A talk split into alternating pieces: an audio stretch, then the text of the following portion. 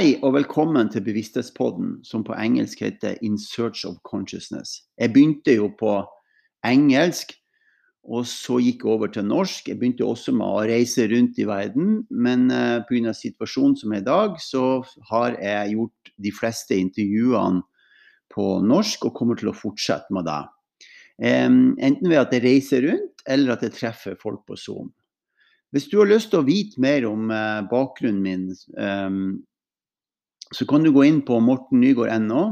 Jeg holder kurs, eh, gjør eh, individuell eh, coaching, og jeg jobber med grupper.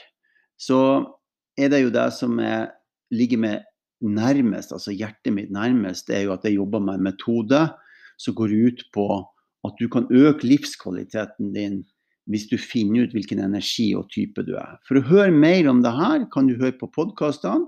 Og så kan du gå inn på, som jeg sa, mortennygård.no. Hjertelig velkommen til Bevissthetspodden.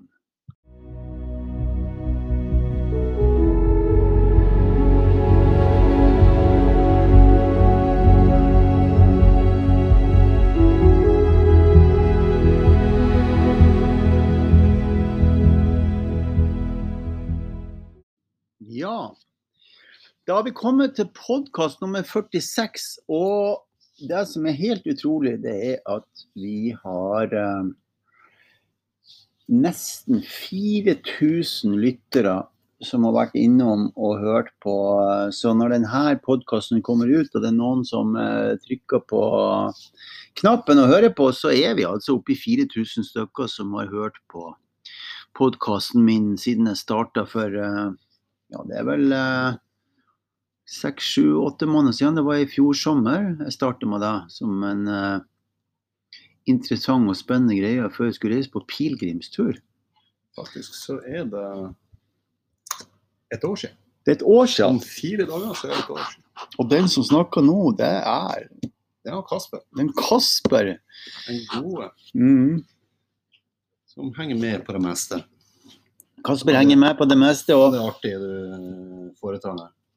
Eh, det vi skal gjøre i dag, det er det at jeg har jo da eh, Kasper har jo fulgt meg på Han holder på å bygge opp en ny nettside som heter Morten Nygaard NO, som jeg skal snakke litt om eh, i dag. Altså, og så er jo han vært med på begge pilegrimsøyene, så han er jo en slags jeg vil ikke si støttespiller, men en viktig brikke å ha med seg når jeg gjør disse tingene som jeg holder på med.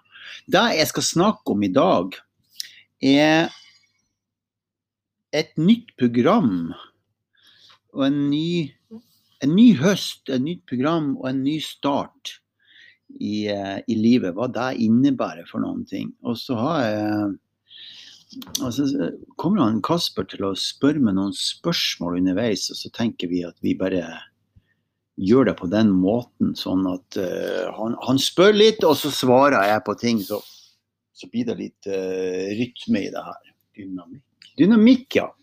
Ja. Så for et års tid siden så sa jo du, eller litt mer enn et år faktisk, eh, hvis vi hopper tilbake til våren, når du eh, fant ut at eh, det var siste trening med Enjad den sommeren, og så har du eh, funnet på at du skulle ta deg et friår. Tømme med litt vann i glasset. Ja, Kasper. Eh, er det er mange, mange hendelser i livet som gjør at man endrer på det og føler at man starter på nytt. Og det er et veldig godt spørsmål. eller Det, det du sier der, det retter jo uh, oss inn på noen ting. Jeg, jeg begynte å merke um, Før det året så begynte jeg å merke at motivasjonen min for å trene andre begynte å dale. Altså den det, det, det, var ikke den veksten og fremgang i det. Mm. Uh, og nå snakker jeg om for min del, jeg tror nok det var det for de deltakerne. Men det ble naturlig for meg å avslutte en fantastisk fin runde med Jeg kaller det for Enjad-gjengen, da, som, som, uh, som uh, er egentlig den tredje gruppa som jeg har trent de siste 18 årene som har hatt en fantastisk fremgang. og Og, og, driver nå NJ-organisasjonen, som er et treningssamfunn for bevissthet og de, de ni energiene som Mm. vi har i kroppen. Ni typer. Og som gjør det på, på sin måte og har et, eh, et, et, et energigrunnlag oppe rundt eh, Skedsmo på den sida av eh, Oslo-området som, eh, som gror. Og de setter i gang igjen nå mm, snart og, og inviterer til folk til å møtes og ja, jeg tror de skal til en bål og, og snakke sammen og være sammen. Og gjøre meditasjon som han pleier. Og jeg regner med at de skal gjøre meditasjon og, og jobbe med de ni energiene i, i kroppen. Ja. Så skal vi hoppe litt lenger tilbake? Det kan du gjøre. Hopp, hopp så langt du vil. Du, eh, du skal jo stille med boka uforutsigbare spørsmål. Ja. Jeg har jo lest denne boka di.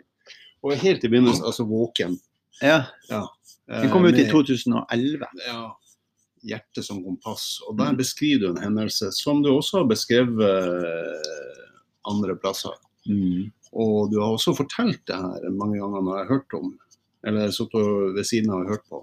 Mm. Så jeg har hørt litt om det her. Så jeg lurer på om du har lyst til å, å, å begynne der? jeg kan begynne der. For dette handler jo om å starte på nytt. Og så, og vi, vi, det er jo ikke sånn at du starter selve livet på nytt, for livet går sin gang. Men for det er ulineære hendelser, og så har du lineære hendelser. Og så har du spirituelle hendelser, altså hendelser som røsker i deg, som gjør at du, at du endrer fundamentalt på det du holder på med. Lineære ting, det er jo at du, at du sier at OK, jeg går på en skole og tar en utdannelse, og så er jeg ferdig der, og så skal jeg få meg jobb. Det er lineær eh, tankegang. Mens ulineært, det er at du går på en skole, og, midt i skoletida så finner du ut at det her er ingenting for meg. Så jeg hopper av. Da er det ulinjær. Hopper du av, så begynner du med noe helt nytt som, som, som du ikke har tenkt at du skulle starte med. En spirituell endring, altså gjør at du starter helt på nytt, er gjennom en hendelse som er så kraftig at den på en måte fillerister deg. Det vil si at uh, det er på en måte sånn at du blir rista som ei dokke, og så lander du igjen. Og så har det som du har trodd på tenkt på, og, og um, ja, liksom livstroen din, da, den har du den- blir fillerista, så det, den er ikke det, den, Du begynner med noe nytt, du gjør noe helt annerledes. Du tar altså en fundamental livsendring eller livsretning i livet. Mm. Og, og min Den som du refererer til, tror jeg, når du snakker om boka, det er jo det at boka starter med at jeg sykla ned i gjennom Sinsenkrysset og inn i Hans, Nilsens Hauges gate eh, i, i 2011. 2010-2011. Nå er jeg litt usikker på om Jeg tror det er 2010. jeg. Eh, rundt eh, juni 2010 skal på arbeid og sykler inn i en bil og knuser frontruta og flyr over lufta i 15 meter og landa på andre sida. Jeg hadde jo 50 km på racersykkelen når jeg sykla inn i en bil hvor en uh, sjåfør eh, satt i mobiltelefonen sin. Veldig metaforisk på det som fremdeles foregår i dag, at folk sitter ubevisst og holder på med ting, og så skjer det sånne ulykker. Men, men for meg så var jo det her en lykke, fordi at jeg, jeg ble skikkelig rista, og så gikk jeg ut av sykehuset samme kvelden uten en skramme. Og, og jeg fikk jo åpenbart en, en vekker. Og det er fordi det ble stille i hodet mitt i ei uke. Og det som skjedde, det var at det var ingen teorier igjen. Det var, ingen å, det var ingenting å holde meg fast i. Ingen mennesker som, som, som jeg tidligere hadde forholdt meg til. Altså, jeg hadde jo opphøyd både lærere og mentorer. Det, det ble altså rett og slett fjerna fra bevisstheten min den dagen. Mm. Og, og det, jeg har jo følt en form for kontroll og forutsigbarhet gjennom å være på en måte deres disippel. Um, og, og da hadde jeg noe å tro på, en, en sannhet. Men så Det som skjedde etter den ulykka, var at det her bekreftet en helt ny sannhet for meg. og det er at det er ingen andre som leder livet mitt enn meg sjøl. Det er altså ingen andre enn du sjøl som. Så, så de handlingene du gjør, er det livet du lever. Mm. Uh, og, og det som skjer da, det er jo at samme året så går jeg gjennom en skilsmisse og, og til og med mister jobben min. Jeg var jo veileder i Telenor og, og jobba der. Og, eh, og så var det en eller annen slags situasjon som gjør at alle konsulenter alle ble sendt ut av selskapet. Og jeg var en av dem, og jeg mista jobben min. Um, og, og, med svært lite penger igjen etter den skilsmissen, fordi jeg har vært inne på det før, at jeg ønska at Leon skulle bo hjemme, så flytta jeg inn i skogen i en campingvogn. Og da starta jeg et nytt liv. Og, og det som var inspirerende med det Det ene var at jeg leverte inn nøkkelen fra meg i huset og fikk betalt gjelda mi og følte meg veldig fri av det. Det andre var det at jeg var 45 år gammel, nå er jeg 53, 54 faktisk, det er ni år siden. Så det er interessant det her med disse livssirklene som, som, går, som jeg skal komme tilbake til. Men i hvert fall, det som skjer, det er at jeg setter nøkkelen inn i campingvogna og føler en sånn totalfrihetsopplevelse. Fordi det var så inspirerende å skulle starte livet helt på nytt igjen. Og for meg så handler det om at OK, eh, dette er en periode jeg har gått igjennom. Og i den perioden så har det her skjedd. Og så krasjer jeg inn i, med sykkelen inn i bilen, og så blir jeg fillerista, og så starter jeg en ny periode. Så flytter vi jo inn Det er jo ikke så mye plass på 16 kvadrat i en campingvogn. så jeg bestemmer meg samtidig for å gi avkall på det materielle i livet mitt. Jeg kjører klær og utstyr til Frelsesarmeen og kvitter meg med utstyr og sykler. Og, og det som skjer da, det er at du blir mindre og mindre identifisert med de gamle historiene dine. Vi lager jo historier om oss sjøl hele tida. Mm. Mener du at de er knytta til de materielle enhetene? Er dit, du? Nei, nei det, det, ja, det gjør de nok sikkert også. Hvis Altså, du har en du har en blueprint inni deg. Du, du, har en mening inni deg hvordan livet ditt skal være. Mm. Og hvis ikke det matcher med det som livet ditt skal være, så blir du frustrert. Mm. Enten må du endre den blueprinten, eller så må du endre på holdninga di i forhold til hvordan du har det i virkeligheten. Så jeg fikk en veldig sånn virkelighetsorientering overfor meg sjøl. For egoet mitt, altså blueprinten min, eller egoet, det som sinnet mitt sa, var jo ikke at jeg skulle bo i en campingvogn i resten av livet. Det var jo at jeg skulle bo i et fint hus, og jeg skulle være en, en som reiste rundt i verden og fortalte om bevissthet. Og, ja. Ikke sant? Så den egoistiske delen av min så den delen av meg som har laga denne skapelse, denne historien inni hodet mitt om hvor livet skulle være, matcha jo ikke med at jeg var blakk og, starte, og, og, og skulle begynne Nei, og, skulle flytte i en campingvogn. Så det var en veldig omstilling.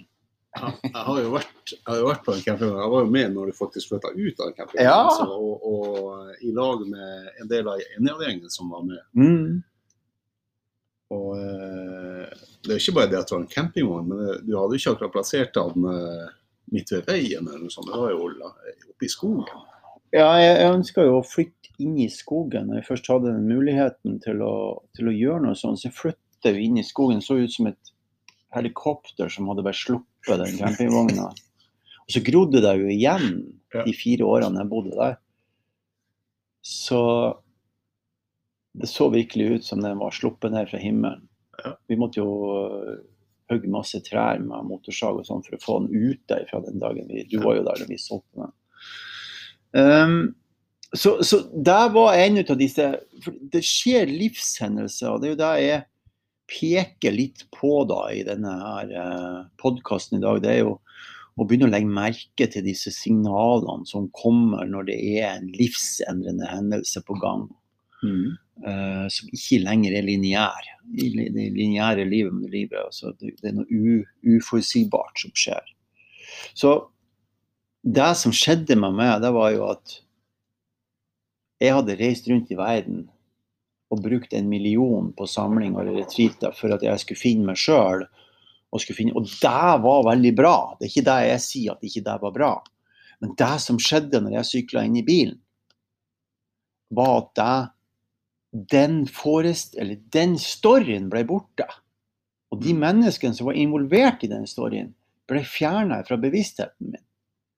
Så min blueprint, altså min, min, mitt liv, ble totalendra. Fordi det så, istedenfor å reise rundt og fortsette å være på jakt etter mm, å lære og bevissthet og alt dette samlingene som jeg dro rundt på i verden, så gikk jeg ut i skogen og satte meg i fire år og gjennomgikk Eh, de ni områdene i kroppen som inneholder de ni energiene, som tydeliggjør i veldig stor grad hvem vi er som mennesker, og vekter dem inni meg. Um, og gjorde den jobben. Så det var en, en, ny, en, ny, måte å bearbeide og behandle si, kunnskapen som jeg hadde fått med meg. Du, du fikk et uh, Altså en ny opplevelse av at du istedenfor å lete etter dem som hadde svarene til deg, så begynte du å lete litt mer inni deg sjøl etter svarene. Ja. Jeg satt, jeg satt i, i eh, jeg satt i timevis. Jeg satt en hel sommer og, og titta på blåbær. Mm. Hvordan farger på blåbæra endrer seg gjennom sesongen til den blir faktisk nesten svart og moden og dette stilken. Mm. I begynnelsen så er den jo grønn, og så blir den lilla, og så blir den gjennomsiktig. Så går den gjennom sånne forskjellige stadier. Så det var en reise gjennom sommeren fra stilk til modne bær som jeg gikk gjennom. Det påvirka meg til sånne subtile endringer i meg. Så var da jeg avla fram disse sju naturlige prinsippene for vekst og fremgang. Mm. Og det betyr å avle dem frem. Det var at jeg var i naturen så lenge, så mye, at jeg begynte å legge merke til at det er forskjellige steg, selv om alt går i, så det er forskjellige steg som naturen går igjennom i, fra det blir frø og til det blir modent og til det dør igjen. Og, og, jeg delte disse tingene opp, og så tok jeg det med meg på trening. Og har brukt de prinsippene som en naturlig prosess for å endre det sjøl. Mm.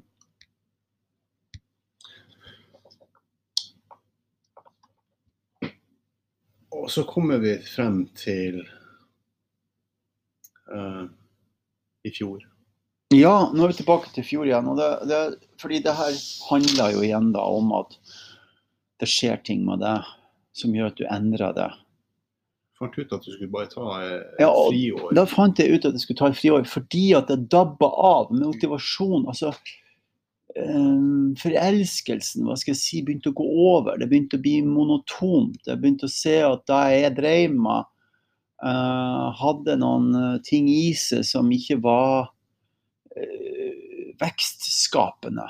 Mm. Uh, kanskje som jeg sa igjen for de andre, men ikke for meg sjøl. Og det er veldig viktig at det er vekstskapende for deg sjøl også. Det er en veldig sånn målestokk på hvor du er i livet. For hvis du ikke vokser og gror sjøl, så er du på feil plass. Mm. Rett, du er på feil plass, du gjør feil ting. Ja. Vil det så mye du vil. Og andre må, må, gjerne si at du er flink og flott og alt det du driver med er så bra, men hvis ikke du føler den der groprosessen inni deg, så, så er du på feil plass. Så utviklingen stopper opp Um, og sånn som jeg drev metoden, eller satt ved roret, så følte jeg ikke at det var fremgang. Så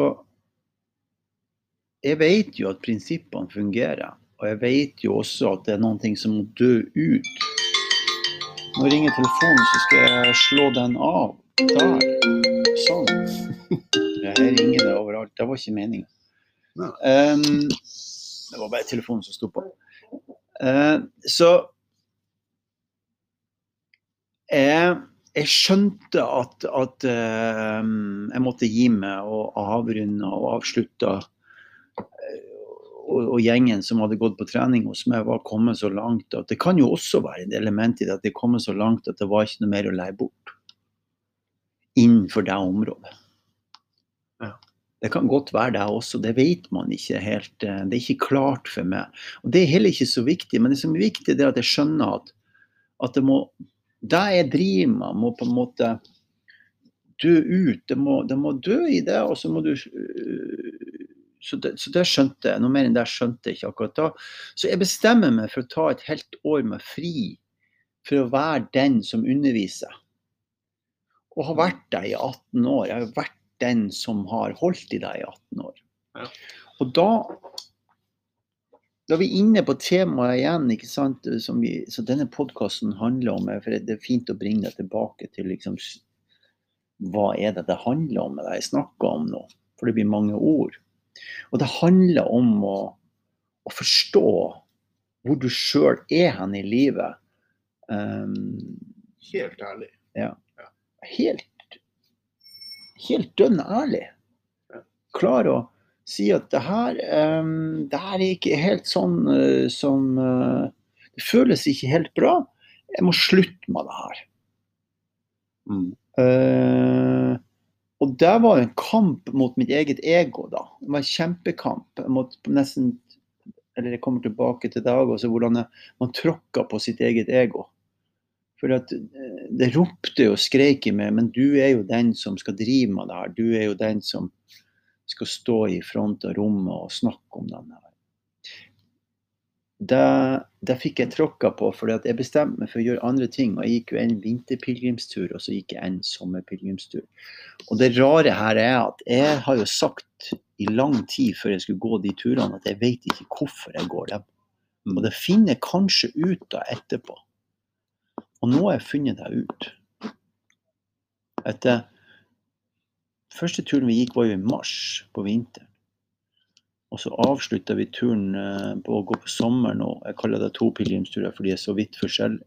Så går jeg en tur på sommeren som blir veldig annerledes enn det jeg ikke selvfølgelig enn det jeg hadde tenkt. Ja. Det er jo eh, Altså, metaforisk, du, vinterpilegrimsturen, så får du jo eh, med deg det her alterstykket eh, som han eh, Gullvåg har skrevet. Hvis dere har som, som vi på en måte har prøvd å skildre litt i, på bloggen din. Ja, det, det, var, det, var, det, var, en fin grunn for å gå og gjøre det til noen ting som har med det religiøse å gjøre, og har vært en veldig fin, flott ting å, å, å, å lære om liturgien. er jo at han Einar Vegge, pilegrimsprest, vært med nesten hele veien fra Oslo til Nidaros. Og lære å forstå det som den liturgien som handler om skyggesiden til eh, Olav den hellige, som er for oss alle, og disse mm, Den måten som han som prest klarer å forklare hva, hva dette her handler om, Mm. uh, hadde stor påvirkning på meg. Det var, det var godt å lære om det. Uten at jeg klarer å referere helt til hva bokstavelig hva han og vi har snakka om, så har det gjort noen ting med meg. Jeg har blitt mer religiøs. Mm. Religiøsisert Hvordan kan man si det? Jeg har blitt eh, gjort mm, Altså blitt mer religiøs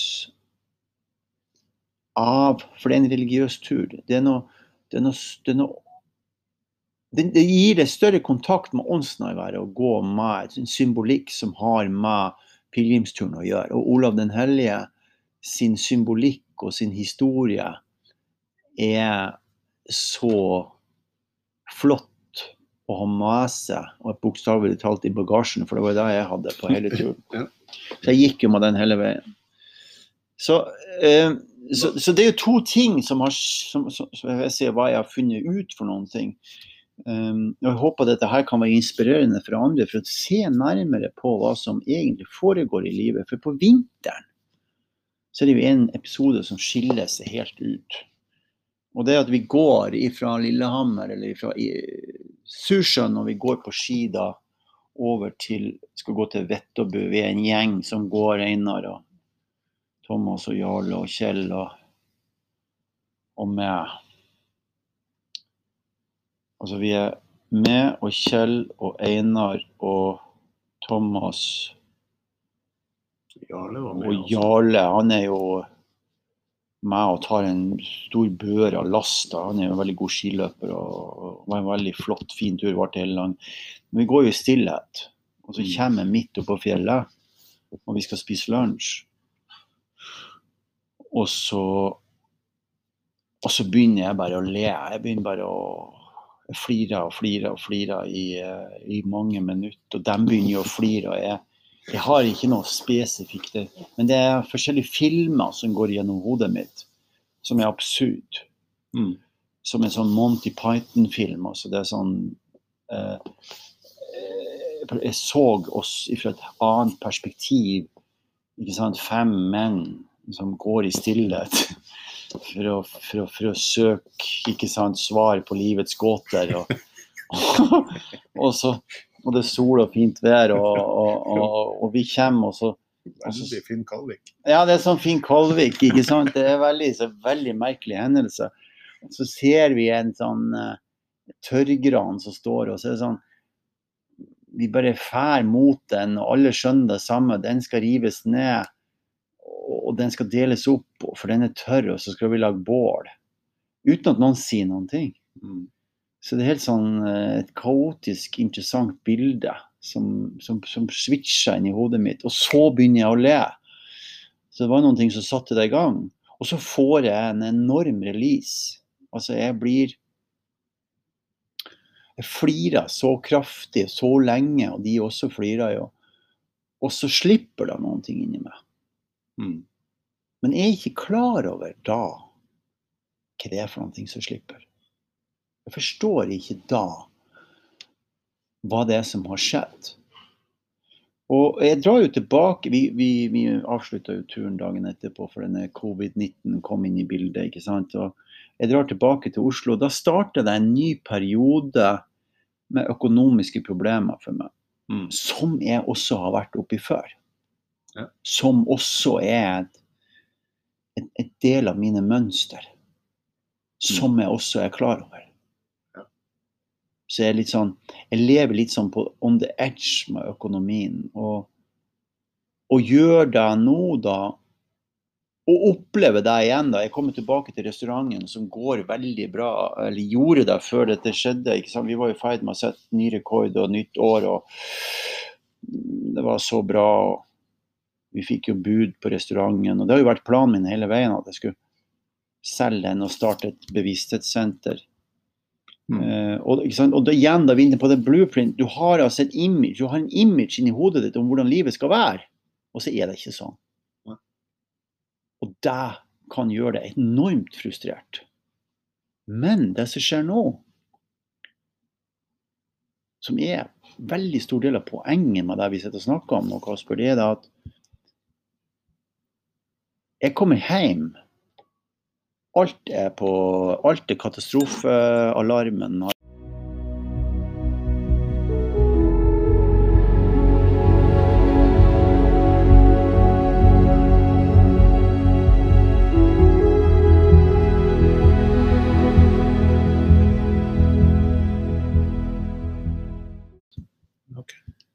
Vi var inne på den, vi, vi prata så mye at uh, tida gikk ut for det er sånn 30 minutter gangen på podkastopptaket.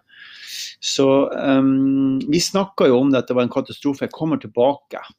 Og, og, og sånn, Tidlig i livet så har jeg blitt enormt stressa og begynt å jobbe veldig hardt for å finne løsninger på problemet. Mm. Men det skjer ikke den gangen her. Og nå begynner det å gå opp for meg hva som skjedde på turen i vinter. Hva som slapp inni meg. Uh, som har vært en klump opp foten på meg i mange, mange år, faktisk. Som er, en, som er et sånt bilde jeg har inni hodet mitt. Altså, igjen tilbake til dette blueprint. Altså dette, dette, denne målestokken som du har på hvordan livet ditt skal være, som du tror. ok?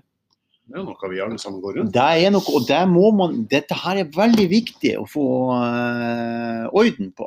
Mm. Altså Enten må du endre på den blueprinten eller den, den tankegangen du har om hvordan livet ditt skal være. Det ene du må gjøre, og så endre på det. Eller så må du endre på hvordan du forholder deg til det. Eller så må du endre på begge to. Det er det beste. Hvis du endrer litt på begge to, altså justere hvordan du oppfatter at du skulle ha levd livet ditt, Mm. og hvordan du lever det, og de to blir mer sammenfallende, så begynner du å gå i, mer i sammen med det som jeg kaller å være i spiriten din, altså i, i din inspirasjon i livet ditt. Ok, så, så min image var jo at jeg skulle lykkes med prosjektene mine. Jeg skal lykkes, jeg skal få det til. Og jeg sa jo tidligere i podkasten at min idé er jo at jeg skal lage et senter. Ja. Men jeg sitter jo her fremdeles med en restaurant og har ikke laga et senter. Så det, og det kunne gjøre meg veldig frustrert. Og så forstår jeg da at denne frykten for å ikke lykkes er borte. Hmm. Ikke frykten for å lykkes, men frykten for å ikke lykkes er borte hos meg. Som har vært min Som har vært min klump om foten. Ja. Så på en eller annen måte så går jeg og tråkker på det her egoet, på det her, på det her livsløgn, på en måte en slags livsløgn, da. Om meg sjøl. At, at jeg må kjøre på, jeg må stå på så jeg lykkes. For jeg forstår da, når jeg er hjemme nå, så forstår jeg at, at, at alt det har ingenting med selve livet å gjøre. Ingenting, faktisk, ut av det vi holder på med utenfor oss sjøl, har noen ting med livet å gjøre. Mm. Så, så, livet i seg sjøl har ingenting med oppnåelse å gjøre. Ingen verdens ting om jeg går 70 pilegrimsturer eller Det er sikkert veldig sunt og veldig bra. Men så lenge men så lenge det er identifiseringa av hvem du er, så, så, så- så er du på rett og slett på feil spor, på feil plass til feil tid. For det har ikke noe med det livet du lever å gjøre. Livet du lever er her. Det som er her nå. Det som er virkeligheten. Det er verken denne blueprinten eller din forsøk på å tilfredsstille eller frustrasjon om å ikke få det til. Og da, eh, altså du sier at vi er ikke målet vårt. Nei! Og alle har sagt at ja, men du må ha et mål, du må ha en mening. du må ha... Jeg har jo sagt det sjøl òg. Skrekk og gru. uh, det har ingenting med livet i seg sjøl å gjøre. For livet i seg sjøl å gjøre har med at du puster og lever.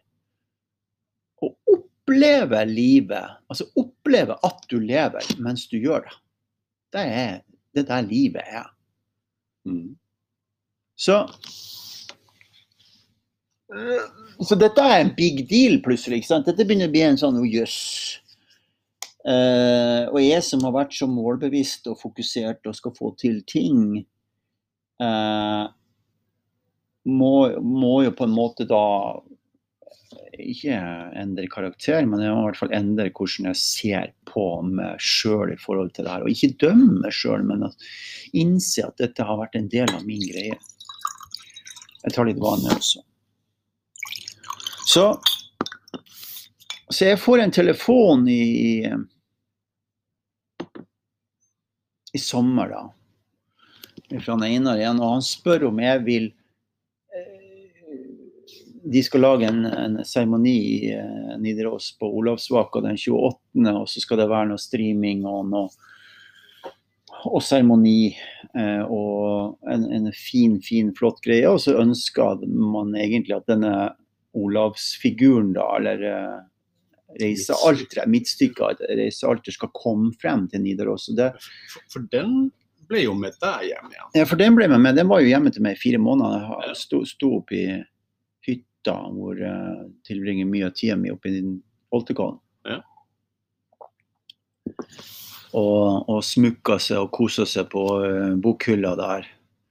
Uh, og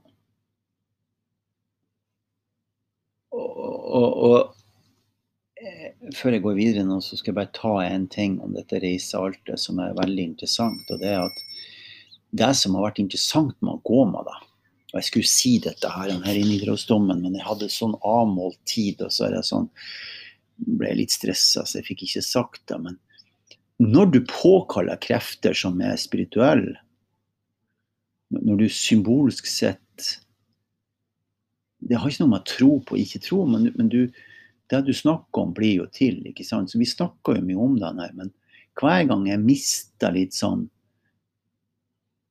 tilstedeværelsen på turen, så spilte jo det her Olav den hellige altertavla. Jeg puss meg med, for at jeg glemte at jeg hadde den med meg. Da var jo da jeg tippa på sykkelen, og da jeg glemte, for jeg sykla en par etapper, og det var når jeg glemte av den at jeg, at jeg fikk gnagsår. Og, så det er helt overbevist om at du, at du påkaller en viss form for eh, åndskraft når du går med sånne symbolske ting. For at, at, at Olav den hellige spilte oss noen puss på veien, det er både jeg og han Einar helt sikker på. oss. Så det er jo veldig spennende. Det tror jeg har noe med at, at du ikke er bevisst. ikke sant? Du, du går ut og kommer litt sånn inn i dvale, og så skjer det ting. Mens, mens, når du er mer nøyaktig og mer bevisst og mer våken, så, så skjer det ikke sånne ting med deg. Eh, uansett så Det er jo en kjempefin kveld i Nidarosdomen, og, og um,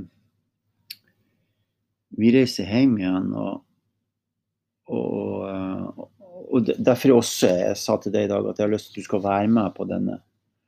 Podkasten i dag og, stille noen spørsmål, fordi du vet hva du stiller spørsmål til. Det er det ene. Det andre er at jeg er veldig takknemlig for at du har laga på eget initiativ en ny nettside som er et pilotprosjekt i den undervisninga di. Ja, altså og, ja. Det, det, var jo Jeg så jo at det var et mangel. Det var, det var et manko en plass eh, på den gamle nettsida di det var ting som ikke hang helt på greip. Så jeg ville veldig gjerne eh, gi deg et verktøy som gjør at du kan få ting ut på en bedre måte, rett og mm, slett. Mm. Og, og, få litt mer klartekst mm. i hvordan uh, hvordan du får det ut, sånn at folk får en bedre idé om hvordan historiene henger sammen. Mm. Rett og slett. Det var min tanke bak det hele. Og så, ja, så viste jeg jo det her. Og, ja, og det er jo en gavepakke. Ikke bare at du gjør det, men gavepakken her er å innse at at jeg har løpt etter så mange ganger i livet mitt ting og lagprosjekter som jeg skulle lykkes med. Så nå kommer det noen til med meg et initiativ, og jeg sier jo aldri nei til et initiativ. Det har vi jo laga en egen podkast på. Mm. Og det kommer et initiativ fra det og det er en gave. Å ta imot en gave og foredle den gaven som noen. Og det er jo en annen ting som har begynt å endre seg i, i min blueprint nå, da. Det er at, at det er mer eller mindre slutt på Og da blir jo jeg mindre frustrert, for det er mindre og mindre slutt på at jeg må jage etter noen ting. Mm. Så jeg har jo lyst til å lage en pizzakjede. Ja. Men jeg kommer ikke til å lage en pizzakjede. Pizzakjeden kommer til å lage seg sjøl hvis det blir en pizzakjede. Det eneste jeg skal gjøre, er to ting. Jeg skal lage surdeig. Og så skal jeg bake pizza i pizzaovnen min oppe i skogen. Og så får vi se om det blir en pizzakjede eller ikke. Ja. Men jeg skal ikke lage noen pizzakjede. Men det kan godt hende det blir en pizzakjede for deg. Okay? Akkurat som på måten som jeg opplevde når jeg gikk sommerturen. Jeg gikk men det var ikke jeg som gikk. Jeg gikk, det for, jeg for bare. Jeg gikk bare. Og det var ikke nødvendig med, og det var en lettere tur enn jeg har vært borti noen gang. Den, de 14 dagene på tur nå i sommer var veldig lett. Det var sikkert veldig tungt å gå til Trondheim hvis du må gå til Trondheim, men jeg måtte ikke gå til Trondheim. Men det, det gikk. Jeg gikk, det gikk av seg sjøl. Og det, er en, det gikk, ja. Altså det, det som er livet, gikk. Og det var en fantastisk opplevelse og treffe så mye hyggelige folk. Ida og Frida og Hanna og Jasmin. Ja, eh, Janine. Janine og, og Gail. Gail.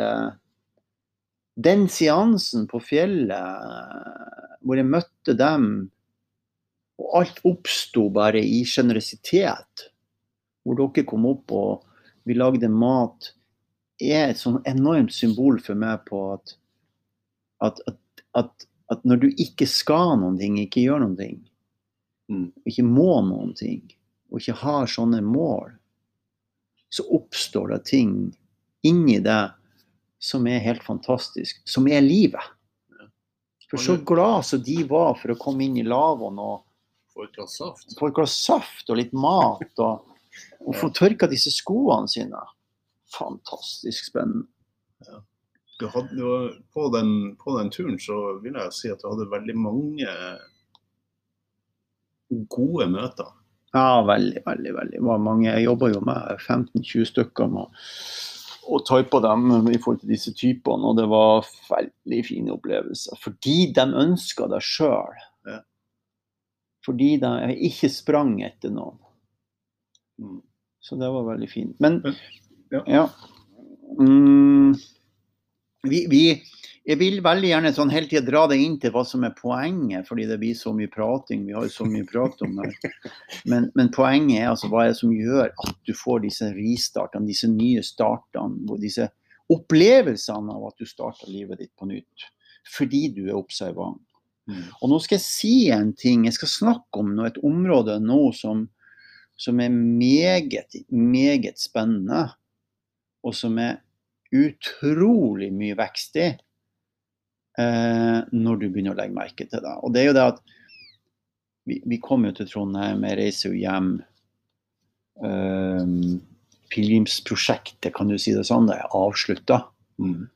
Og jeg oppnår ingenting. Tilsynelatende. Tilsynelatende. For det var ikke det som var poenget til slutt. Men, men det går. Jeg går til Trondheim, det er fritt, det er fint, jeg opplever mye fint. Og så skjer det et eller annet med oppmerksomheten. Um, og en kveld så blir jeg invitert på en sånn Zoom-møte med, med den NJ-gruppa som jeg tidligere var trener for, da. Og som jeg har avslutta denne formen for trening som jeg har gjort sammen med dem. Det er veldig viktig å si. Og jeg skal støtte dem, og jeg skal hjelpe dem. Og, og, og det har ingenting med det å gjøre. Virkelig fantastisk gjeng. Men eh, jeg blir invitert, og jeg står i lag med Birgit på, på, på kjøkkenet i Kragerø, for vi har vært ute og plukka bjørnebær av alle ting i tornekratt. Og, og, og, og, eh, vi klarte å plukke ti liter med bjørnebær. Veldig fint. Spiste vaniljeis med bjørnebær. Jeg kommer hjem, Birgit er veldig sulten, jeg skulle lage mat til henne. Men av en eller annen grunn så, så kjenner jeg at jeg vil snakke med dem, som jeg har trent i mange år. Fordi de skal starte opp på nytt. Og det, går, det er jo et møte som handler om hva skal du gjøre, hva skal du ikke gjøre. for noe, Og i seg sjøl helt fullstendig urelevant i forhold til det jeg snakker om nå. Selv om det er relevant for dem og for alle som måtte delta i det, så er det urelevant for meg der og da. Fordi oppmerksomheten min uten fokus eller konsentrasjon retter seg direkte mot en av deltakerne, og jeg kjenner at hun har gjort noe med seg sjøl. Jeg, bare, jeg bare merker det. Ja. Og, og jeg vet ikke hva det er for noe. Jeg vet ikke hva, jeg vet ikke hva det er for noe som skjer. Jeg bare merker at det er noe. Så da jeg gjør det, at dagen etterpå så ringer jeg til henne. Mm, og uten å favorisere noen, eller, så jeg orker ikke si noen navn, men jeg ringer til henne. De vet jo hvem det er. Men jeg ringer til henne, snakker med henne. Og, og hun sier du lurer sikkert på hva vi skal gjøre. Nei, så sier jeg lurer ikke på deg i det hele tatt. Det eneste jeg er interessert i, det er å snakke med deg og høre hva du har gjort for noen ting som har endra deg og gjort en transformasjon. Og så fortalte hun meg hva hun har gjort for noen ting.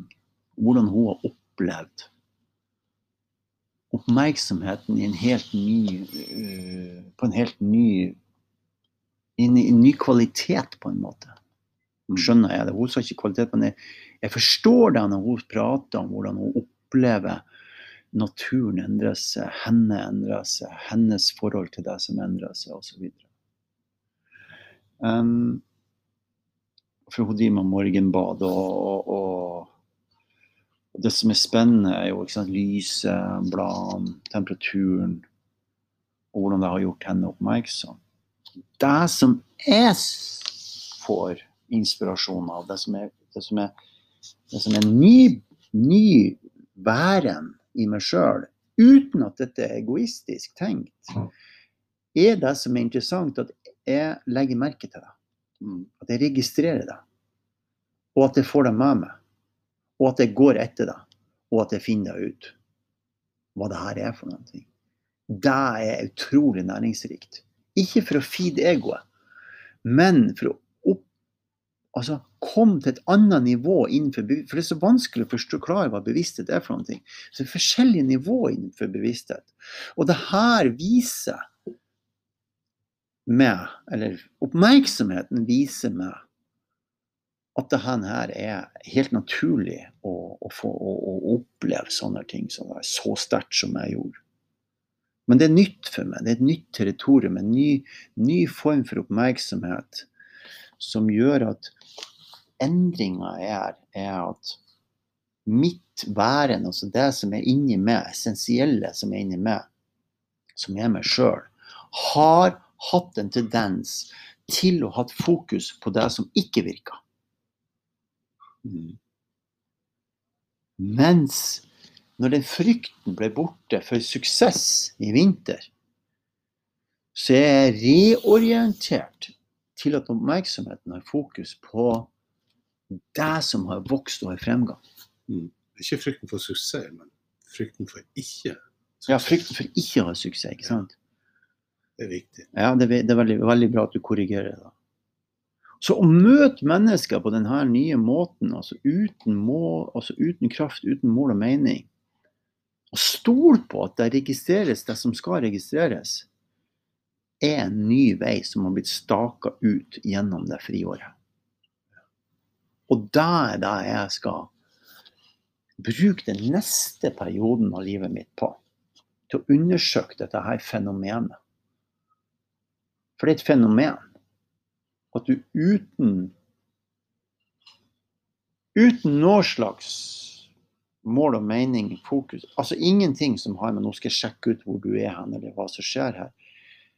Men altså det vesenet som er inni oss, får kontakt med det vesenet som har gjort en transformasjon inni seg sjøl. Det er veldig oppbyggende. Det er veldig inspirerende. Det er veldig nytt. Det er veldig interessant. Mm. Så ja. Tilbake til det her med mål og ikke ha mål, og, og at det er Du var inne på noe som du sa at det var ikke du som gikk. Du opplevde det ikke som deg som gikk når vi var på den siste turen, men at det mer var eh, Det var bare en slags Jeg får inntrykk av at du på en måte var et slags instrument som bare Det, det ble sånn. Altså, Og det, det, det er jo ikke det at eh, målene skal være til stede, men det, man skal ikke ha fokuset på dem. Er, er, er det sånn å forstå? nei, nei, nei, det er ikke sånn å forstå heller. Nei. Det det, er, er jo veldig Hvis mange, du snur på det, jeg tror og veldig mange som vil, vil, vil reagere på at vi skal vi ikke ha mål. nei. Du skal ikke ha de målene som du har satt deg fra sinnet ditt. Nei. Du skal gjøre det som oppstår i deg, det som du er kalla til å gjøre. Jeg var jo kalla til å gå en pilegrimstur på vinteren, men visste ikke hvorfor. Ja. Og så lagde jeg et for å si det mildt, et vanvittig sirkus rundt det. Ja. Ok? Det hadde ingenting med pilegrimsturen å gjøre. Det sirkuset. Ja, Men det var artig. Og det er en form for måloppnåelse og suksessopp... Eller å få til noen ting og gjøre det på den måten. Jeg sier ikke at jeg ikke skulle ha gjort det. Og jeg dømmer ikke det jeg har gjort. Men når jeg ble invitert til å gå turen, og jeg bare sa ja i sommer, så skjedde det noen ting med min klarering i forhold til det her. Mm. Og da er det jeg kommer til å ta med meg videre. Og nå er det sånn at av en eller annen interessant grunn så blir jeg mer og mer invitert med på ting enn å løpe etter ting. Så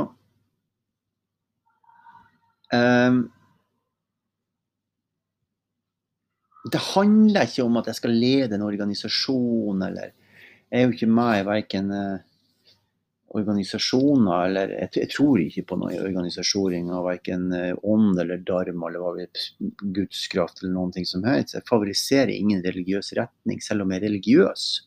Og har enorm respekt for sånn som han Einar, som kan det han kan. Fordi han har gjort jobben sin. Ja.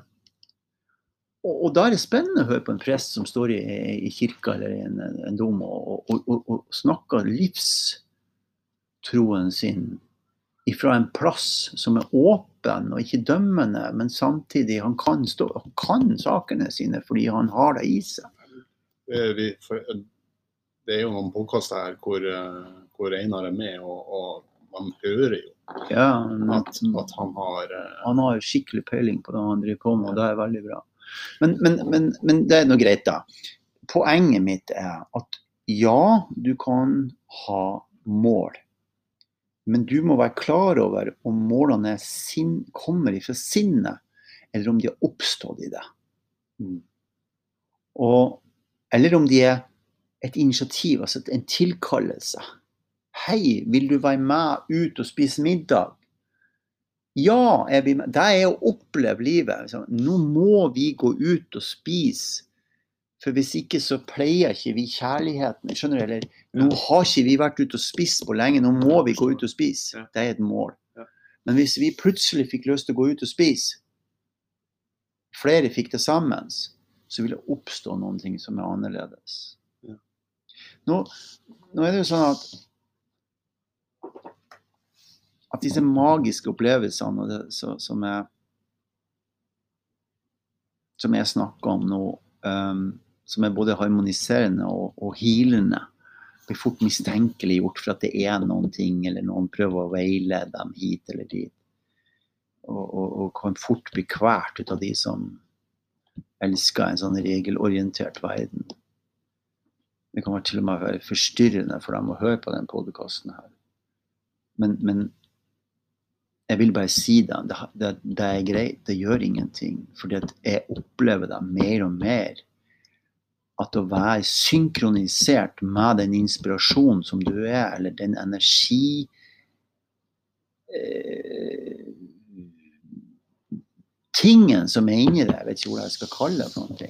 Jo mer du gjør det, jo mer lever du i takt med livet, sånn som livet er.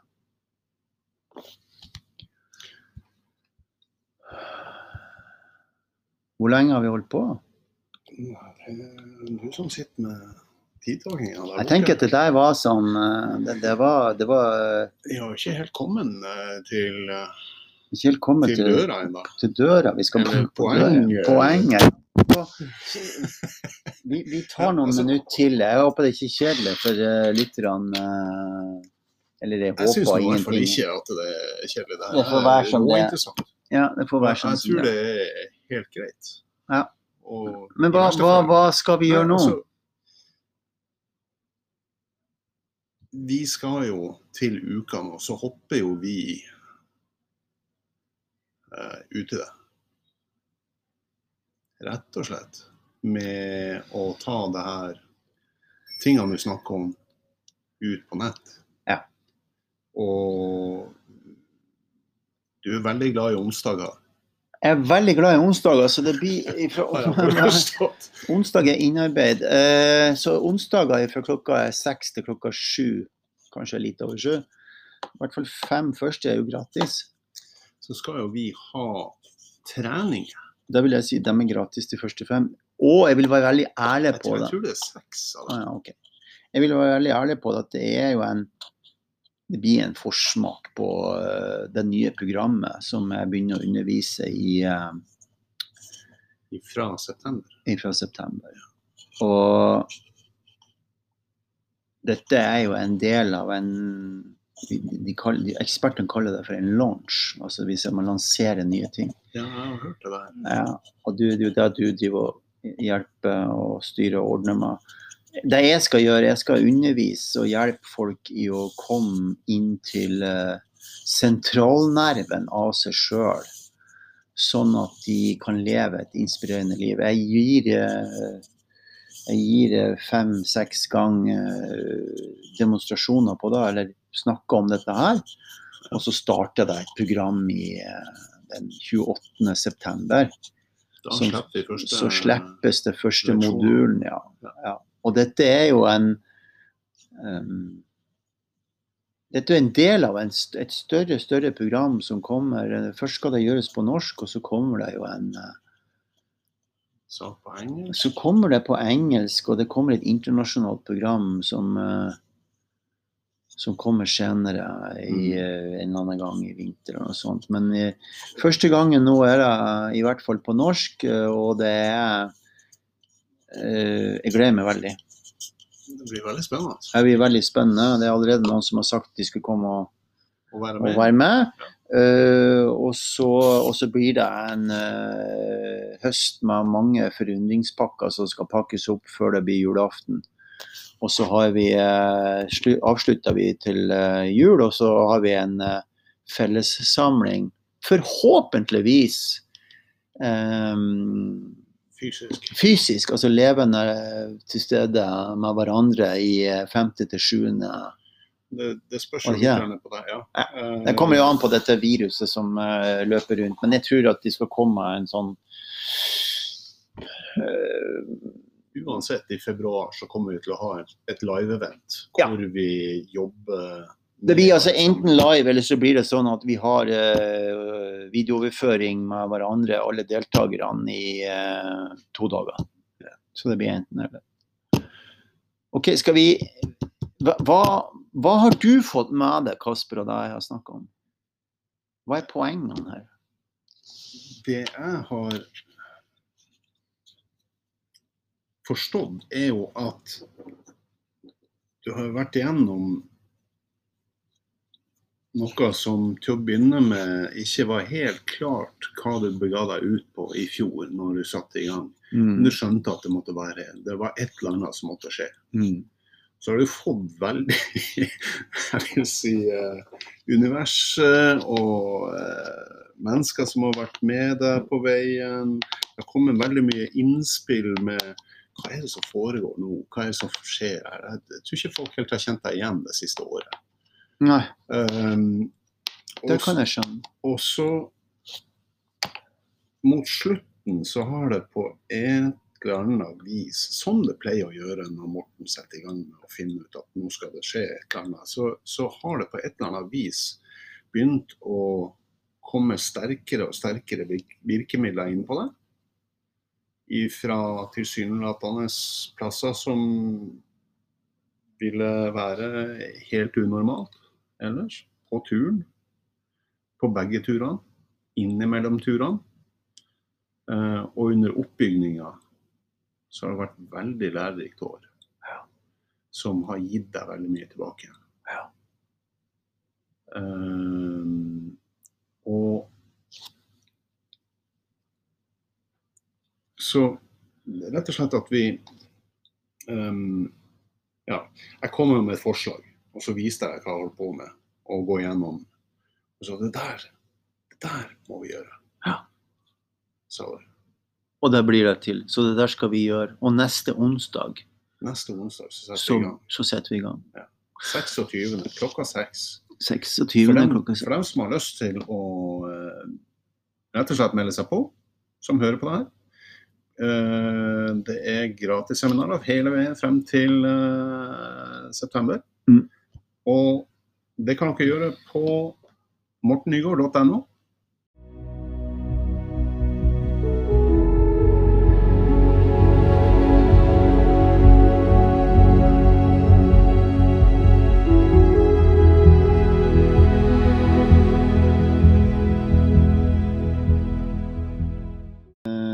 Å ja, eh, vi, vi, altså tida renner ut igjen, og Det er sånn 30 minutter, så det er jo så Vi er nå i hvert fall veldig engasjert. Men hva, hva, skulle du si? Vi avslutta podkasten nå uh, med å si det han Kasper hadde lyst til å si. Det, ja, uh, nå husker jeg, vet jeg ikke hvor langt vi kom uh, på opptakene her, men Du kom til Morten Nygaard. Mm, Og så bør jeg stå på. Å, ja, riktig. Mortennygård.no. Ja. Hvis dere, For dem som har lyst til å melde seg på inspirasjonskveldene, Ja. så er det så enkelt som at vi går på mortennygård.no og forward slash informa, nei, inspirasjonskveld. Det er vel faktisk en eget uh, menyvalg der også. Der skriver du rett og slett bare inn at uh, ja, jeg vil være med. Ja, og vi må da, fordi vi må ha mailadressen til deg som melder på, så vi kan sende en sånn Zoom- Zoom-innkallelse, så vi har video, Ja. videokveld. For det er, foregår jo på webinar. Ja, det er webinar. Og da kommer han Kasper til å sitte der, og hvis det er noen spesielle spørsmål, så tar han vare på dem, og så får jeg dem, og så, og så sitter jeg og, og prater, og så kan man stille spørsmål til programmet, og vi skal ha litt sånn øh, dyptgående inn i øh, kjerne... Hva var det jeg kalte Kjernenerven i systemet vårt. Treffe denne nerven som er selve livet. Så flere eh, forhåpentligvis klarer å få en større forståelse om eh, hva er det som er livet, hva er det som er ego, hva er det som er energi, hva er det som er energien din? Og hva skjer når dette begynner å rote seg til, og hvordan løser det opp i flokene? Ja. OK, skal vi Er vi ferdige? call it a night, eller skal vi ha noe mer? kanskje vi begynner å nærme oss. Flott, da. Da stopper vi. Takk for uh, en fin uh, time. Du, vet du, det, ehm, jeg syns det var veldig spennende. å Sitte her og høre på eh, historiene som du fortalte. Jeg har jo vært med hele veien, Du har det. på, eh, i hvert fall på pilegrimsturene. Men eh, jeg syns det var eh, godt å høre fra et annet synspunkt enn mitt eget hva som har skjedd. Herlig. Takk for nå.